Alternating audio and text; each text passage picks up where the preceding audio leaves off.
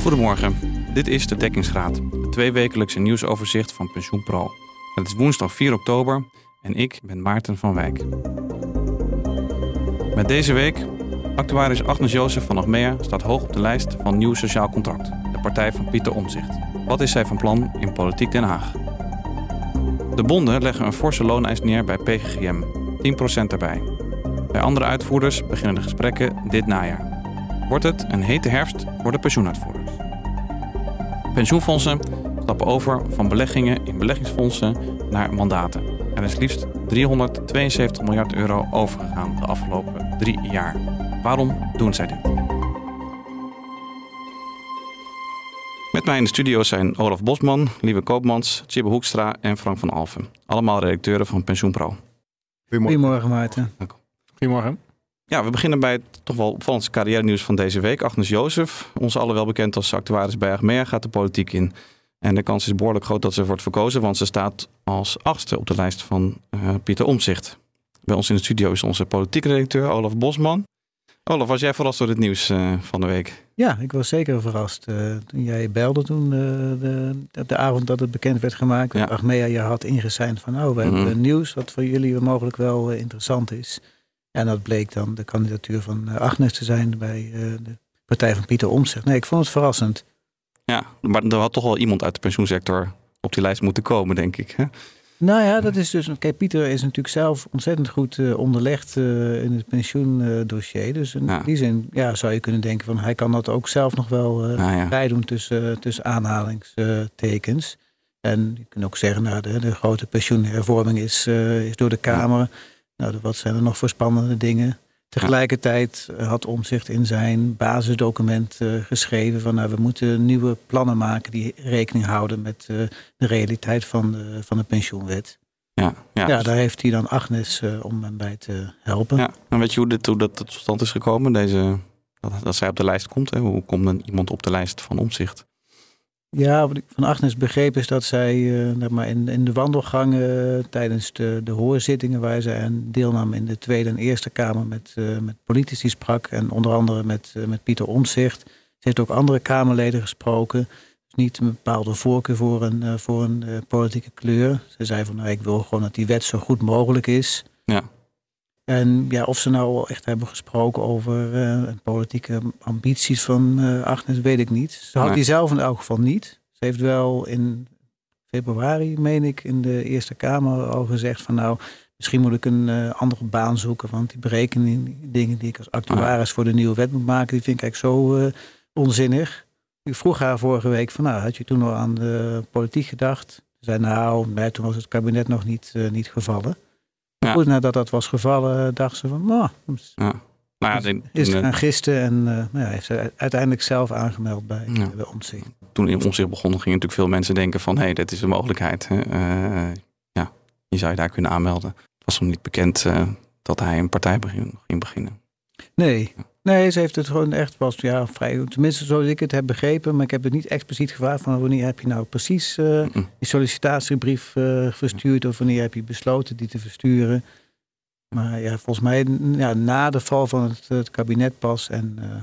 hey, heb jij het er al gesproken natuurlijk, voor, maar ze wilde ze al iets loslaten over ja, haar plannen voor het, als ze helemaal in de Kamer zit. Nee, wat dat betreft, de antwoord is al heel politiek. Dat ze mm -hmm. dan eerst moesten overleggen heeft blijkbaar wel met Pieter al verschillende scenario's uitgewerkt. Hè, van wat er dan zou, eh, zou kunnen. Maar ze willen dan nu eerst met andere leden op de lijst die misschien iets die ook kunnen meedenken over mm. pensioenen overleggen, zodat het een breed draagvlak krijgt. Ja, maar scenario's, bedoel wat, uh, ja. Ja, nou ja, nee, dat is terecht dat je daarnaar vraagt. Ik vroeg dus... ook van, is dan een van die opties, is dan het terugdraaien van de pensioenwet, zoals bijvoorbeeld BBB, PVV en SP ja. uh, willen. Ja, dus daar kan ik nog niet, uh, niet op ingaan. Oké, dus het ontkennen ze alvast niet. Dat, uh... Nee, dus nee, ja, ja. ja, nou ja. Nee, maar goed, je kent Agnes natuurlijk ook heel, heel genuanceerd. Die, uh, tenminste, ja, zo, zo, heb ik, zo, zo heb ik altijd ervaren. Ja, maar als, als ze het niet weet, dan zal ze, tenminste is mijn ervaring, niet, niet zeggen van... maar goed, je kan ook kijken wat zij in het verleden heeft gezegd, toch over in die hoorzitting enzovoort. Heeft ze toen, wat, wat, wat heeft ze toen bijvoorbeeld bepleit? Ja, ze heeft een opiniestuk bij ons ook bepleit dat je nou ja, met, met invaren dat je dat heel anders doet. Dat het een goed idee zou, bijvoorbeeld zou zijn om lopende uitkeringen te, te laten staan. Oh ja. Omdat je dat Ja. eerst anders moet je eens gaan omrekenen en dan gaat het weer, eh, weer terug. Dus nou, dat is fout, eh, foutgevoelig. Nou, ze ziet ook niet zo'n bezwaar in het eh, naast elkaar bestaan van twee verschillende systemen. Ze zegt, Achmea gaat dat sowieso doen. Eh, twee systemen. Ja, dus zeg maar, dat is met, met oude rechten en nieuwe rechten, dat dat eigenlijk prima, dat het administratief best, Oh, dat het wel, wel, is. wel ja. wat ingewikkelder is. Maar dat We hoeven niet in te varen, zeg maar. Nee, ja. eigenlijk. eh, Maar dat zijn toch wel fundamentele veranderingen op een pensioenwet. Ik weet niet of dat eh, realiseerbaar is. Nee, en ook, ik weet ook niet, maar dat weet Agnes evenmin, of dat uiteindelijk iets is waar, waar, de, waar haar partij dan voor zal pleiten. Ja, dat, ja. Dat, is, dat staat allemaal nog open. Het gaat er natuurlijk niet in eentje over dan zo meteen. Nee, Maar dat- over vier weken komt het, tenminste dus een datum die ook Agnes in haar hoofd heeft, 1 november, dat dan de presentatie is van het verkiezingsprogramma. Ja, en dan zullen we meer weten. Ja, dan denk je dat daar veel concreet in zal staan? Over dat? Nou ja, Agnes zei van ja, ik kan niet tien pagina's schrijven over pensioenen voor het verkiezingsprogramma. Maar Hm. nou ja, ik vind het, Pieter is voor ons is het wel aan zijn stand verplicht om iets Ja. meer over pensioenen te zeggen dan eh, bijvoorbeeld BBB, die in een paar regels zegt van ja, we draaien de pensioenwet terug. Ja. En de, de pensioen van politici komt onder dezelfde wet als van de andere burgers. Wordt het dan ja, wordt het überhaupt iets van enigszins van belang zal zijn bij de verkiezingen? En Wat wil je met de pensioenwet? Terugdraaien of niet? Of beter maken? Of uh, Ja, gaat helemaal dat- geen rol spelen in de campagne?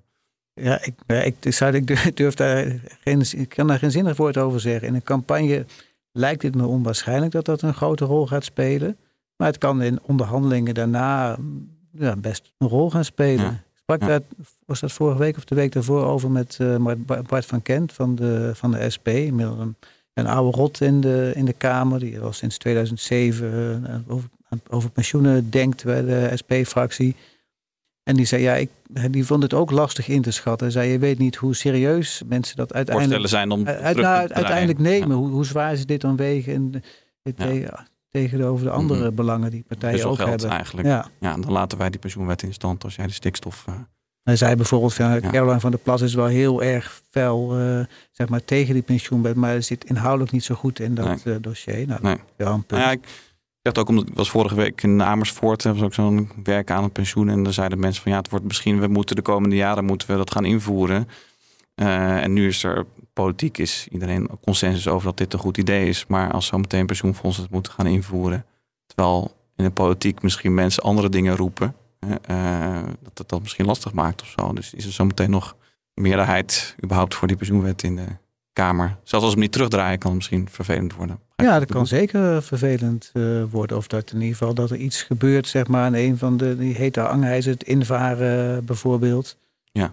Want ja, zoals het er nu naar uitziet met de peilingen, heeft, heeft straks maar, maar is er geen meerderheid meer eh, voor die pensioenwet. Ja. Nou, dan kun je ook zeggen dat het enthousiasme bij GroenLinks en PvdA is ook niet Mhm. zo bijster groot voor die pensioenwet. Die heeft nu Fred Kronen nog in de, de Eerste Kamer nog een, eh, een motie ingediend van hè, er moet echt iets gebeuren voor die zware beroepen. Nou, dat moet voor Prinsjesdag. Nou ja, Schout heeft er Ja. laten weten, nou dat wordt ergens begin 2024. Dus dat kan ook zeg maar, het enthousiasme bij die. eh, Ja, wat gaan ze dan doen met z'n allen? Gaan ze het dan toch weer aan morrelen? Ik denk wel dat eh zou me niet verbazen als er iets verandert. Maar ja, als je dan vraagt wat een dan? vraag Ja. zou zijn, wat dan? Ja, dat, dat, Dat weten we nog niet. dat weten we nou, niet. dat Nee. moeten we dan denk ik bij afsluiten. Ja. Of met één dingetje. analyse. Kunnen we nog meer mensen verwachten uit de pensioensector in de Tweede Kamer? Dat Tim, Tim Burggraaf naar de VVD gaat of zo. Nou, ik Ja. zat even aan Volt te denken. Daar zit toch ook iemand van de... ja, Monique van der Poel. Monique van der Poel, ja. Ja. ja. Staat die, kan die ook op de lijst komen? zij stond op de lijst voor de Eerste Kamer. Oké. Oké. Dus, en voor mij is de kandidatenlijst voor Volt bekendgemaakt en heeft zij daar geen plek op.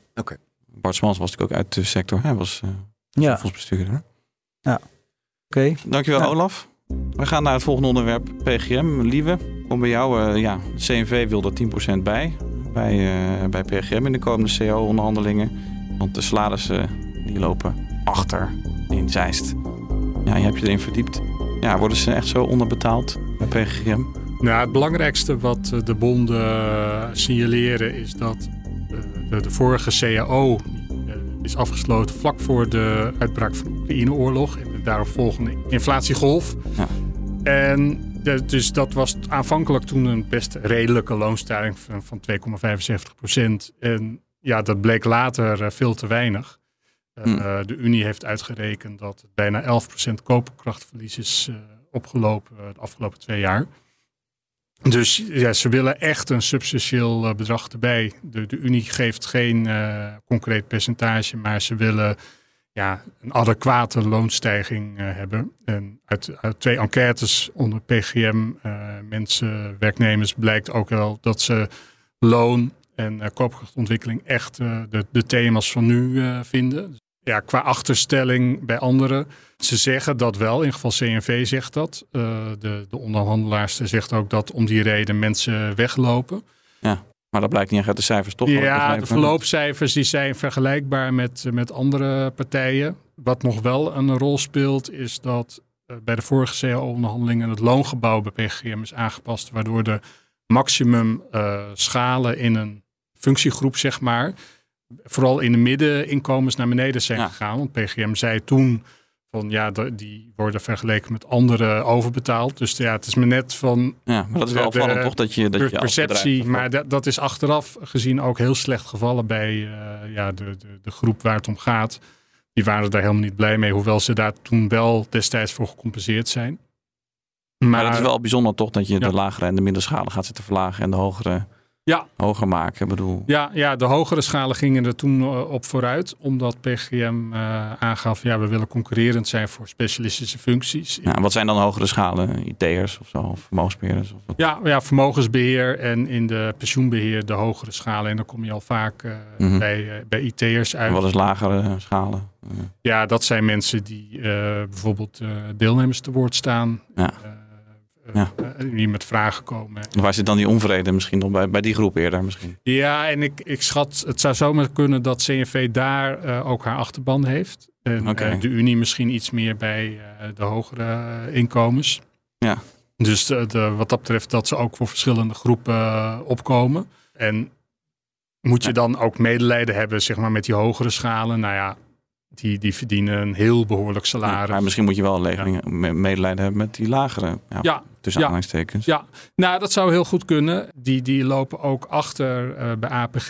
Dat heb ik toen heb ik wel uitgezocht toen die met die, dat loongebouw aanpassen, zeg maar, heb ik ze naast elkaar gelegd. Eh, Mhm. De salarisstaten tussen PGM en APG. En daaruit bleek dat je bij PGM minder verdient dan bij APG. Oké. Maar de Ja. huizen zijn ook goedkoper, hè? Als het goed is. Nou, Rondom Zeist. Ja, is nou, ook- dat weet ik niet. Het, het verhaal was altijd bij P- eh, PGGM heb je een mooie werk, eh, privébalans en we zitten niet aan de drukke Zuidas. Of in Ja, maar Ja, jij hebt ja. jij een auto nodig om wat te kunnen komen. Ja, dat is waar. Ja.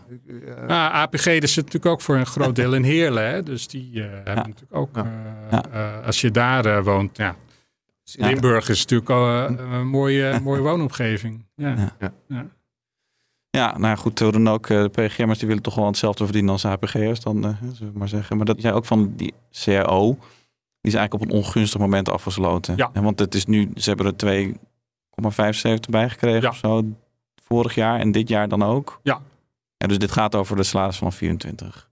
De onderhandelingen van nu gaan over 2024. En als je Wat hebben kijkt die naar andere uitvoerders 2000 dan gehad? 2023, dan heeft PGM dus 2,75 en de andere 5 of 6 procent. Oké, ja, ja. Ja. ja, Maar dus er komen nog een aantal andere eh, uitvoerders aan. Hè? Het AZL, Achmea, eh, En- MN. MN, ja. Eh, dus dat is ook, gaat ook van de herfst van start. Eh, ja, kun je daar dan ook een loonlijst van 10% verwachten bij dat soort eh Nou, die hebben dus dit jaar wel een, een hogere loonstijging gehad, 5, 6 procent. Oké, Dus ja, ik, ik, ik schat in dat dat wel eh, losloopt. Hm. Maar helemaal zonder eh, tumult zal dat niet eh, verlopen eh, natuurlijk. oké. Nou, klein En beetje. AZL speelt ook nog een pensioendiscussie. Dat, is al een langlopend dossier over hun pensioenregeling. De, de opbouw die ging telkens maar omlaag en omlaag en omlaag. En hopelijk denkt iedereen, nou de hogere rente zal, die, zal dat nou wel herstellen. Dus dat zal er Mm. nu wel uitkomen. Maar dat heeft telkens de, de onderhandelingen wel onder druk gezet, Ah, die oké. pensioenregeling bij. AZL. Ja. Ja, ja, allemaal zelfde loonruimte. Hè? Of dat eh, Ja, ja. komt ook allemaal. Ja, en nou ja, 10% erbij, dat, dat betekent ook iets voor je kosten uiteindelijk, lijkt mij. Bij Ja, PZW dan. Ja. Of Ja. dus. Klopt. Eh, ik had nog even opgezocht van wat zijn nou eigenlijk de loonkosten in totaal bij eh, PGM. Dat, zijn, dat is bijna 190 miljoen.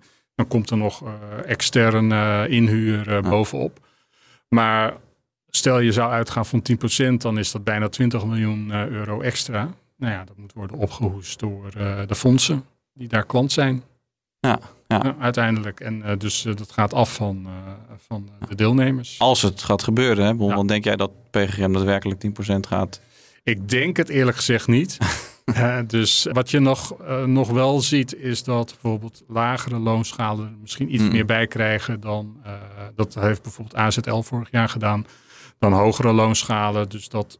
eh, Ja, dan draaien ze een beetje Ja. dat, dat terug van vorige keer dan. ja, ik, heb, ik weet niet meer wie dat was, maar er was ook een eh, uitvoeringsorganisatie die eh, verhoging in bedragen gaf en niet in percentages. Dus dat heeft procentueel voor lagere inkomens meer effect dan voor hogere inkomens. Ja, ja. Dus zo'n soort van oplossing zouden ze ook kunnen verzinnen. Maar dat klinkt allemaal heel redelijk en zo. Want het is niet zo dat we PGM plat gaat of zo dit, dit najaar. Nou ja, dat hangt natuurlijk ook van PGM zelf Ja. af. Ik kan me eigenlijk niet herinneren dat er ooit een staking is geweest bij pensioenuitvoerders. Ja, of Nee. rustige sector. eh, Oké. Dankjewel, lieve.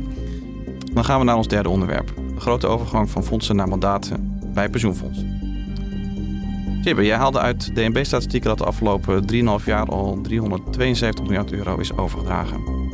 En wat is het voordeel eigenlijk van een mandaat boven een beleggingsfonds voor een pensioenfonds? Nou, als je een fonds belegt, dan doe je dat als pensioenfonds in de regel samen met andere beleggers. Dat betekent in de praktijk dat je weinig tot geen invloed hebt op, op het beleggingsbeleid van het fonds. Kijk, je belegt erin. Ja, take it or leave it. Je kunt er niet, als je zegt van ik wil eh, toch ergens niet in beleggen, dan kun je dat fonds verkopen.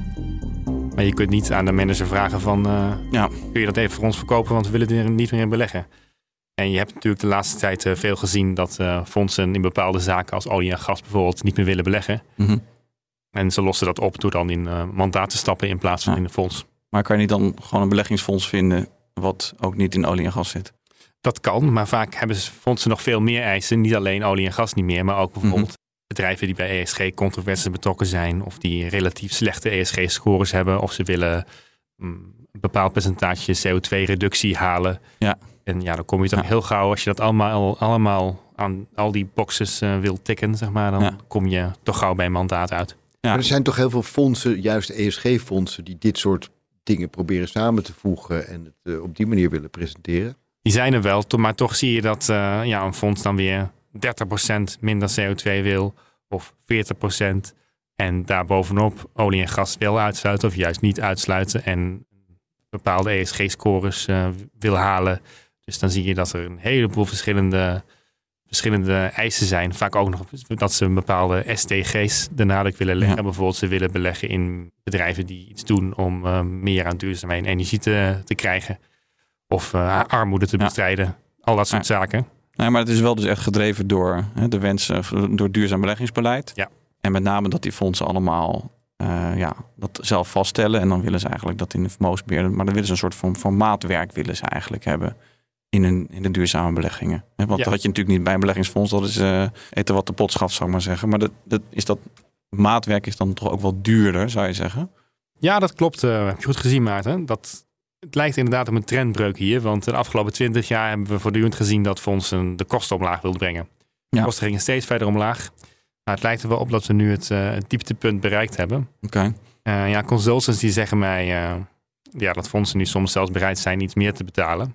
Dan houden fondsen er zelf op dat ehm, de kosten vergelijkbaar zijn als bij de fondsen. Nou ja, vergelijkbaar. Maar het is in ieder geval niet, niet meer zo dat ze lagere kosten willen hebben. Ja, nou ja, vergelijkbaar, dat is natuurlijk altijd waar. Hè? Dat, eh, het is niet zo dat het wel toch wel een basispunt of zo kan schelen. Ja, nou, het kan een aantal basispunten schelen. Een aantal basispunten. Ja, wel, ja. Nou ja, dat een aantal basispunten over een groot vermogen is dan toch wel weer geld. Ja. Lijkt mij. Ehm, is dat dan de moeite, zal ik maar zeggen, dat je eh, toch wat meer geld uitgeeft?